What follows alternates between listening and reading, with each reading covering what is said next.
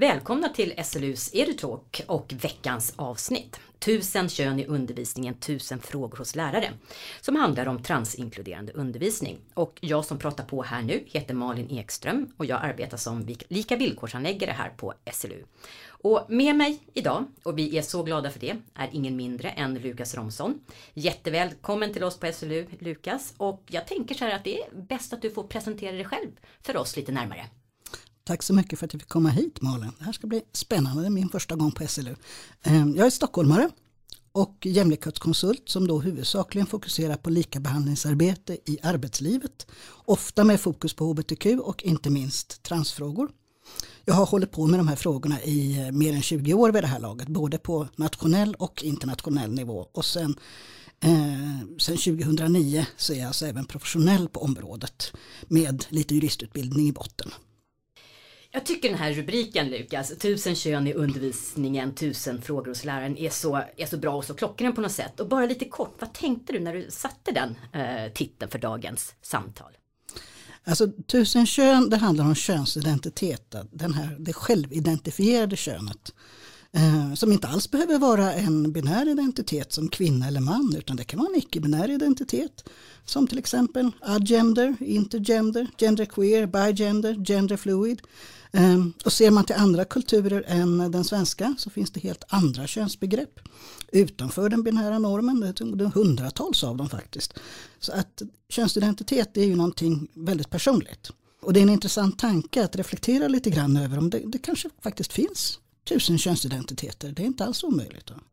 Och de tusen frågorna, det är väl kanske det som just nu uppstår i huvudet på en del av era lärare. Men min förhoppning är ju att det kommer bli lite klarare i slutet av det här samtalet. Ja, det här ska bli så kul Lukas och eh, jag ser jättemycket fram emot mot vårt fortsatta samtal. Och visst är det så att du även kommer tillbaka till oss redan i höst för ett lunchseminarium som har rubriken Transinkludering i undervisningsrollen. Så att vi kan ju säga att det här är lite grann av en teaser också inför för det seminariet. Och då bara lite kort, vad kommer du ta upp på det seminariet? Det, det finns ju två viktiga aspekter på likabehandlingsarbete på ett lärosäte. Dels studentperspektivet och dels medarbetarperspektivet. Och det jag kommer att ta upp är framförallt studentperspektivet för det är det vi kommer att ha tid med. Eh, sen är det andra viktigt också. Och det blir lite grann om skyldigheterna enligt diskrimineringslagen men framför allt så blir det en hel del om planerande och genomförande av lektioner.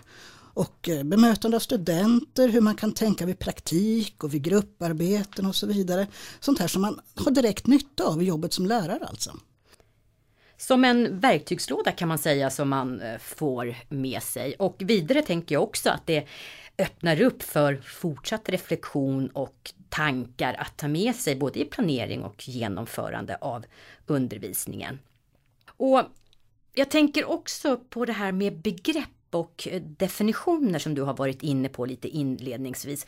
Kommer du också att gå igenom något i stil med trans-ABC och bara här och nu kan du ge exempel på ett par begrepp som du tycker att vi behöver ha koll på under vårt samtal?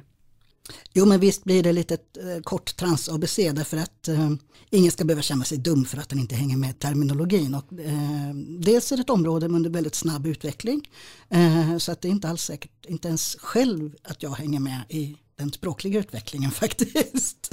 Så här, ungdomarna är de som mm. brukar vara bäst på det och det brukar vara ungdomarna som ni har som studenter. Så där brukar det vara bra att få eh, lite koll. Och eh, Sen har man också väldigt olika förkunskaper så lite grund brukar vara bra att ge. Eh, och det som är bra att ha koll på här idag, för det ska inte bli så mycket komplicerade termer, det är väl framförallt begreppet cis-person.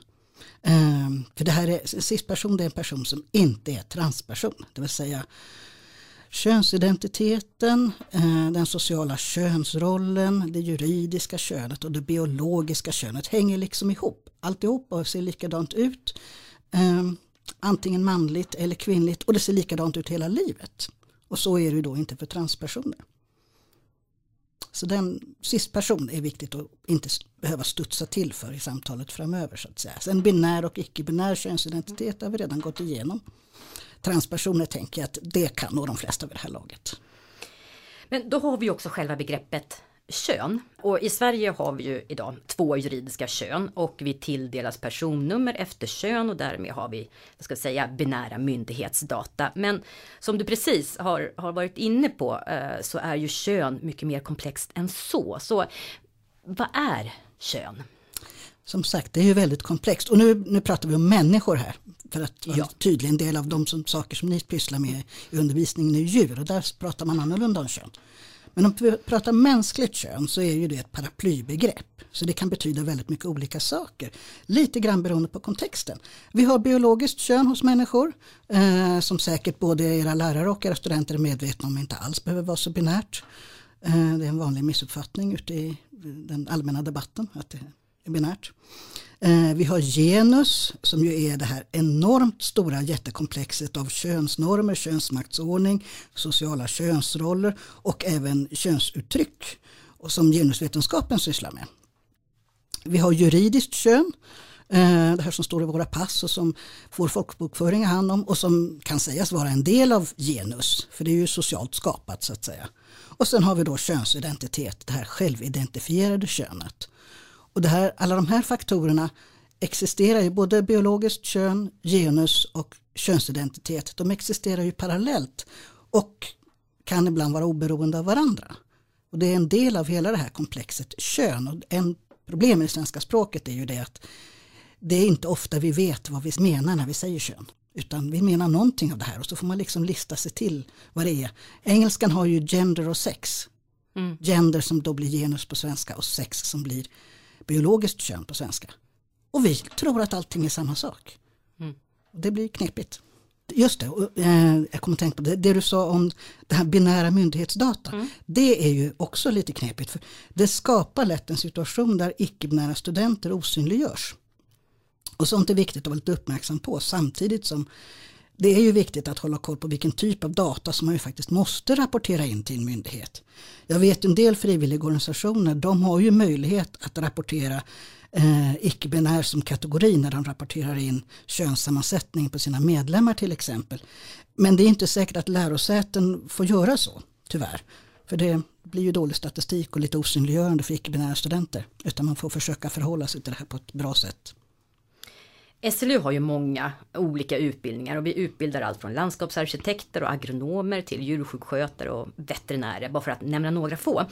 Varför är det viktigt för oss här på SLU med transinkluderande undervisning och ett transinkluderande likabehandlingsarbete? Det finns ju flera aspekter på det. Ehm, Dels så möter ju ni era studenter kommer sen i sitt yrkesliv möta även mänskliga kunder så att säga. För att djuren kommer inte själva och pratar med dem. Eh, och det är människor som har trädgården och så vidare. Men det viktigaste är väl huvudsak, dels att följa lagen. Alla lärosäten måste ha en likabehandlingsplan som omfattar både personal och studenter.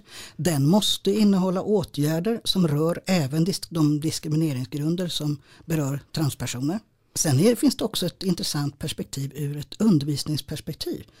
För det är viktigt att undervisningen inte osynliggör delar av samhället så som man, att man, som man förr valde bort litteratur som kunde vara ett bra kurslitteratur bara för att den var skriven av kvinnor till exempel. Det vet vi att det har hänt.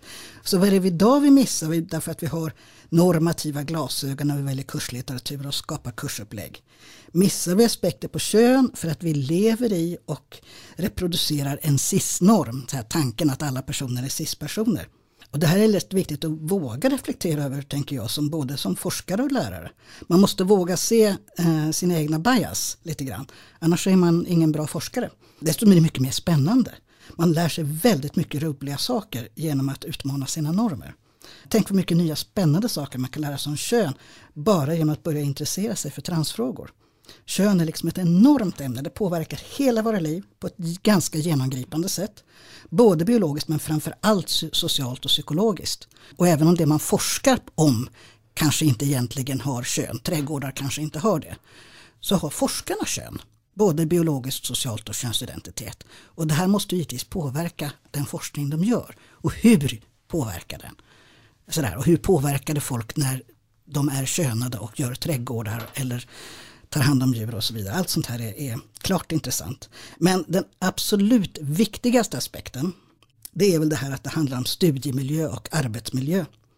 För utan ett bra transinklusivt likabehandlingsarbete kommer både personal och studenter som är transpersoner att löpa en mycket högre risk att utsättas för trakasserier och diskriminering.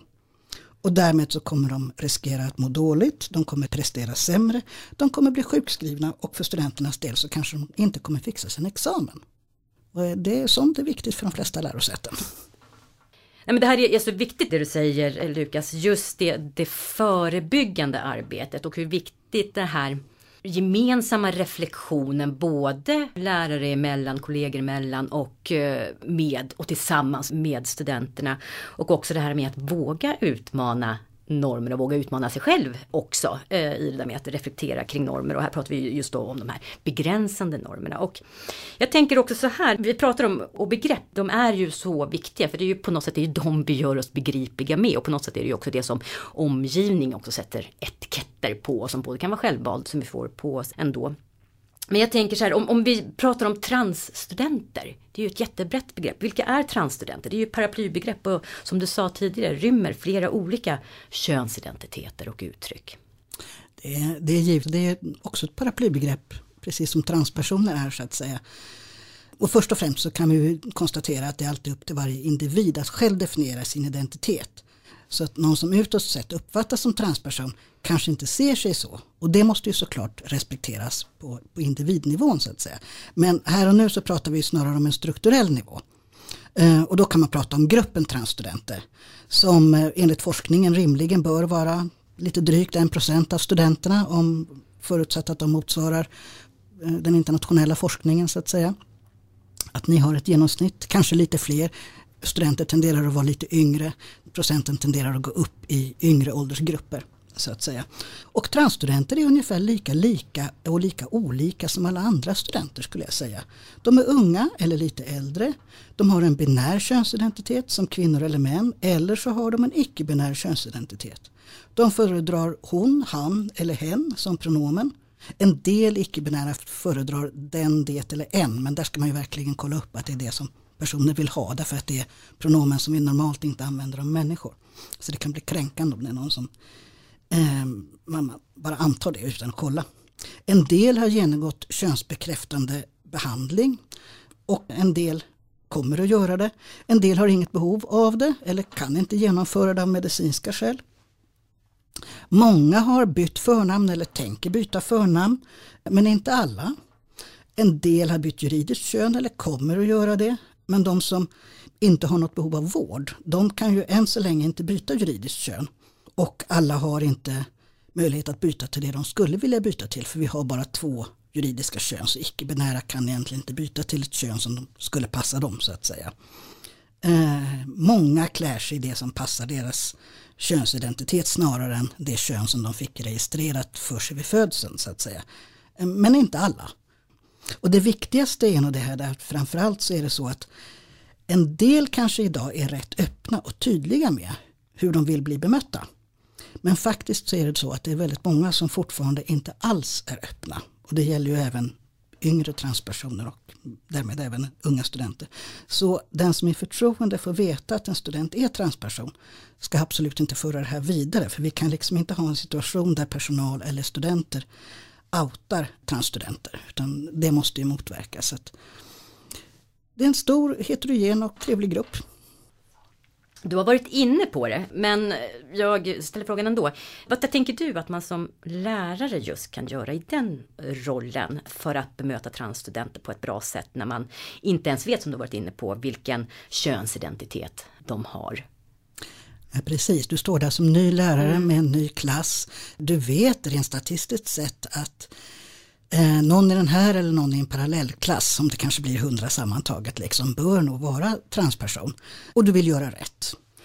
Och det här är ju ingen lätt fråga. Jag vet att en del förordar pronomenrunden. Eh, jag vill varna för dem. De skapar nämligen problem för transstudenter på två sätt. Dels så förekommer det att cis-personer banaliserar frågan lite grann genom att säga att de tycker det hon eller han eller hen fungerar bra. Det där med pronomen det är inte så himla viktigt för dem. Liksom. Och samtidigt så kan det då sitta transpersoner i rummet som känner att pronomen, det här att få bli sedd och respekterad som den man har, den man är, det är oerhört viktigt. Eh, och det andra problemet som kan uppstå det är att det kan finnas transstudenter som inte är öppna i rummet. Och de har ett könsuttryck som inte matchar det pronomen som de egentligen vill omtalas med. Så då blir det liksom en, den här pronomenrundan den blir ganska stressande. Ska de välja att komma ut där och då? Ska de svika sig själva och uppge de här, det normativa pronomenet och sen kanske må dåligt av det? Kanske kommer de till och med bli ifrågasatta om de kommer ut senare. Studenter frågar dem liksom, varför kom du inte ut från början? Du hade ju kunnat. Liksom, sådär. Och det är att man, man ska aldrig skapa en förväntad komma ut-handling i en miljö som inte är 200% trygg. Och den miljön har man ju liksom aldrig i ett klassrum. Så att jag vill varna lite för pronomenrunder. Det jag tycker att, som är bättre att göra det är att välja att vara tydlig första lektionen med, att, med klassen att eh, man förväntar sig att alla respekterar önskat namn och pronomen. Under ens egna lektioner så att säga. Så är man tydlig så säger man kanske någonting i stil med att eh, jag riskerar troligen att säga fel namn eller pronomen på några av er. För jag känner inte er och jag måste utgå från det jag vet om ert juridiska namn och kön. Men jag vill verkligen att ni hör av er om det är så att ni vill att jag ska använda ett annat namn och pronomen och då kommer jag göra allt jag kan för att ändra på det här bums. Och vill man så kan man kanske lägga till någonting vad man själv tycker om sitt eget pronomen så att säga. Eh, lite grann för att avdramatisera det hela. Jag tycker att man överlag ska avdramatisera hela grejen med förnamn och pronomen. Det är inte konstigare att byta förnamn och pronomen än att byta efternamn egentligen. Det är mitt tips för att göra i ett sammanhang där du inte vet vilka som är transpersoner och vilka som inte är det och försöka vara så inkluderande du kan så att säga. Du var inne på det här tidigare, du nämnde könsbekräftande eh, vård och eh, den processen som ju kan vara ganska lång. Och då tänker jag så här, hur kan man som lärare underlätta för studenter som befinner sig i en transition? Den period då man exempelvis ändrar namn och pronomen och genomgår kanske också kroppsliga förändringar i form av könsbekräftande vård. Jag tänker att det här kan vara väldigt olika beroende på hur studenten vill hantera det. För det måste givetvis göras i samråd med själva studenten själv. så att säga. Någon vill kanske ha stöd att berätta för klassen, så kan det vara. Andra vill inte berätta alls eller klara sig utan något stöd, vill bara ha lite tid kanske för att ta några minuter på en lektion. Någon kanske behöver hjälp att få tid hos studenthälsan eller i värsta fall kanske skydd från hedersrelaterad förföljelse från familj. Andra hanterar myndighets och vårdsverige galant alldeles själva och är helt självgående och mår relativt okej. Okay. Så det som är gemensamt är dels att man kan behöva anpassning för att fixa studierna under sjukskrivningsperioder. Och det är som alla sjukskrivningar, så att säga. man måste fixa den typen av detaljer. Namn och personnummer måste också ändras i register. Namnet kan man ju ändra så fort en student själv säger att den vill att man ska ändra. Så länge det är register där du får ha ett namn som inte är det juridiska. Och personnumret ändrar man så fort studenten har bytt personnummer så att säga. Så att innan man byter namn och personnummer juridiskt så försöker man låta bli att följa klasslistan helt enkelt. Utan använder det som studenten själv vill. Och givetvis anslår man inte de fyra sista siffrorna när man sätter upp tentaresultat. Men det tar jag för givet att inga universitet i Sverige gör längre. Om jag som lärare känner att jag inte riktigt kan tillräckligt, ska man fråga transstudenterna själva då? Nej, det där vill jag varna lite grann för. Mm. Det, är alltså, det är ju väldigt bra att lyssna och visa intresse om en student själv tar upp ämnet såklart. Absolut, även om, om det är en, i ett eh, lektionssammanhang så kanske man ska försöka lite grann att hjälpa folk att sätta gränser. Ibland kan man som, som hbtq-person som nyligen har kommit ut bli, vara dålig på att sätta gränser för sig själv. Och där är det bra om en lärare hjälper till att sätta gränser så att säga. Och det är klart att både lärare och institutioner ska ha en bra relation med eventuella transnätverk inom studentkåren och på universitetet och sådana här saker. Det är jätteviktigt. Men det är ju liksom aldrig studenternas skyldighet att kompetensutveckla lärare. Det är arbetsgivarens skyldighet. Det är, liksom, det, det är ditt jobb bland annat och andras. Liksom. Många människor i minoritetsgrupper tycker att det är jobbigt att bli använda som uppslagsböcker. Och det gäller ju transpersoner också såklart. Och dessutom så finns ju det här problemet med att studenten som du frågar som lärare är förmodligen inte alls expert på den här frågan som du behövde ha svar på. Utan den studenten är ju bara expert på hur det är att leva som just den typen av transperson som studenten är. Man är expert på sitt eget liv. Men den är förmodligen inte, det finns förmodligen få studenter som experter på likabehandling i arbetslivet av transpersoner på det sätt som jag är. Eh, utan eh, där ska man nog fråga experterna. Det här tycker jag är jätteviktigt, eh, som allt annat som har tagits upp här. Eh, men jag tänker också kopplat till den här frågan, just, just att, att, det är så viktigt att man inte ska, oavsett liksom, minoritetsgrupp, att, att känna att man liksom ska kompetensutveckla sin omgivning hela tiden och ha de förväntningarna på sig. Och då kommer jag in på det som handlar om minoritetsstress, den här liksom extra bördan som det kan innebära att i olika sammanhang tillhöra en minoritetsgrupp. Och det pratas ju en hel del om minoritetsstress i samband med transfrågor på olika sätt. Och skulle du kunna förklara lite kort vad det är och varför det är relevant för oss på SLU att också ha koll på det här och medvetenhet om vad minoritetsstress är och hur det påverkar? Ja men absolut och det är jätteviktigt för precis som du sa de här ofta välmenta men kanske ofta lite för nyfikna frågorna. Det är ju en del av det som skapar minoritetsstressen. Eh, minoritetsstress är ju den här kroniska stressen som ofta uppstår på grund av att man tillhör en minoritetsgrupp. Och det kan handla om oro för att bli utsatt för lite grövre grejer som hot, hat, våld och trakasserier eller diskriminering så att säga. Eh, och de handlingarna i sig räknas inte in i minoritetsstressande handling utan de är ju grövre så att säga. Utan det här är mer subtila saker. Det kan vara en ständig beredskap för att inte bli utsatt för sånt däremot. Det ingår i minoritetsstressen. Men det handlar också väldigt mycket om de här mikroaggressionerna som man blir utsatt för. Där de här nyfikna frågorna är en del av det. Mikroaggressioner, det låter ju som ett grovt begrepp. Och för den som hör till normen så låter det kanske lite obehagligt att få höra att man sysslar med mikroaggressioner. Men det gör vi nog allihop. Vi står alla i en slags maktställning i någon maktordning så att säga. Och glömmer oss i förhållande till andra. Det är inte så att vi, vi råkar förmodligen alla ut för det men det är den som sitter i en mer utsatt minoritet som brukar känna av det. Och mikroaggressioner är de här ständigt pågående lågintensiva främlingsfientliga handlingarna. De är lite svårare att få syn på. De handlar inte om förolämpningar eller uttalade elakheter. De, det är mycket mer subtila signaler i vardagen. Och funktionen som mikroaggressioner har det är det här att den som utövar dem ska känna att de har mer makt och hör till normen. Medan den som blir utsatt ska känna mindre makt och pekas ut som annorlunda. Inte med nödvändighet mindre värd men annorlunda. De är omedvetna och framförallt både för, den som, alltså både för den som utövar dem men även ibland för den som blir utsatt. Det kan vara svårt att se för man är så van.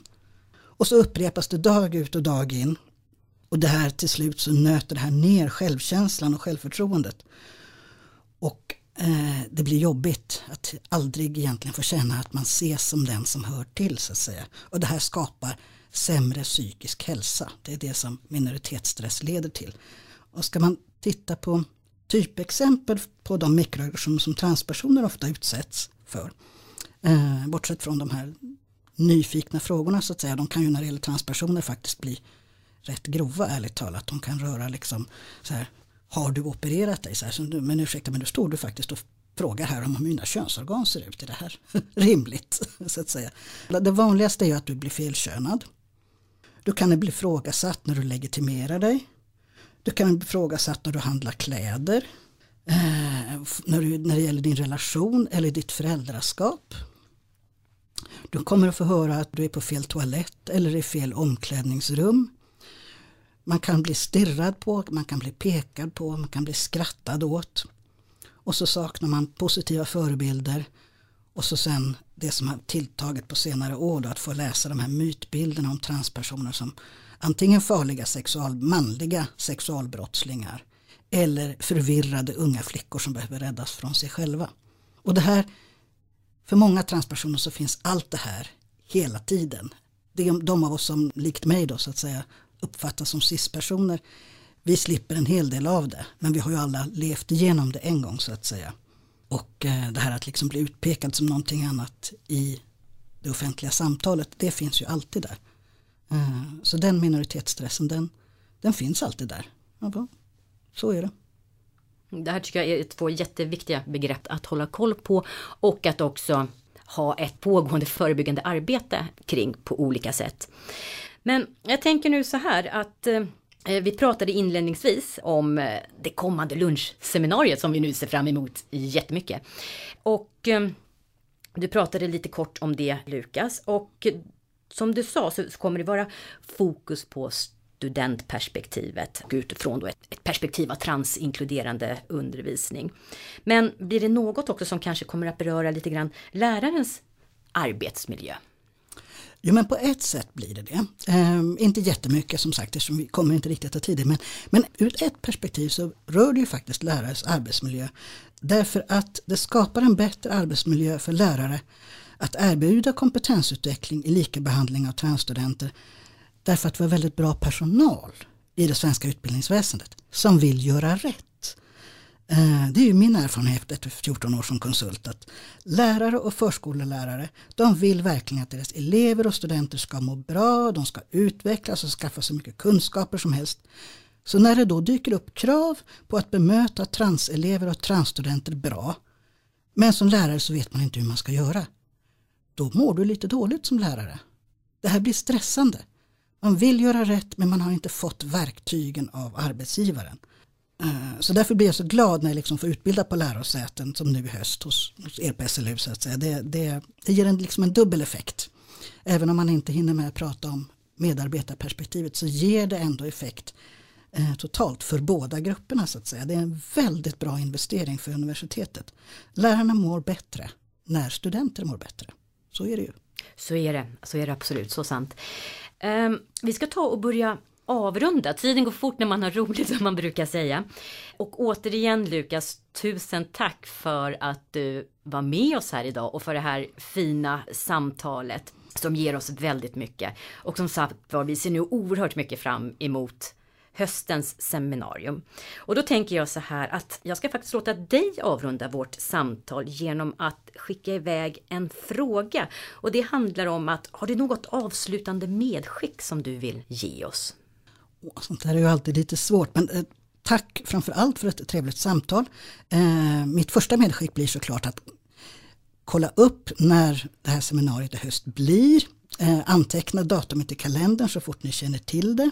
När det finns ett datum. Och så hör ni av er till Malin med viktiga frågor som ni har grunnat över så ska jag försöka baka in svaren i seminariet. Det är alltid bra att få liksom den kontakten med den och bli riktigt verksamhetsnära så att säga. Och så ska det här att förbereda sig för att liksom komma in med en nyfikenhet i det hela.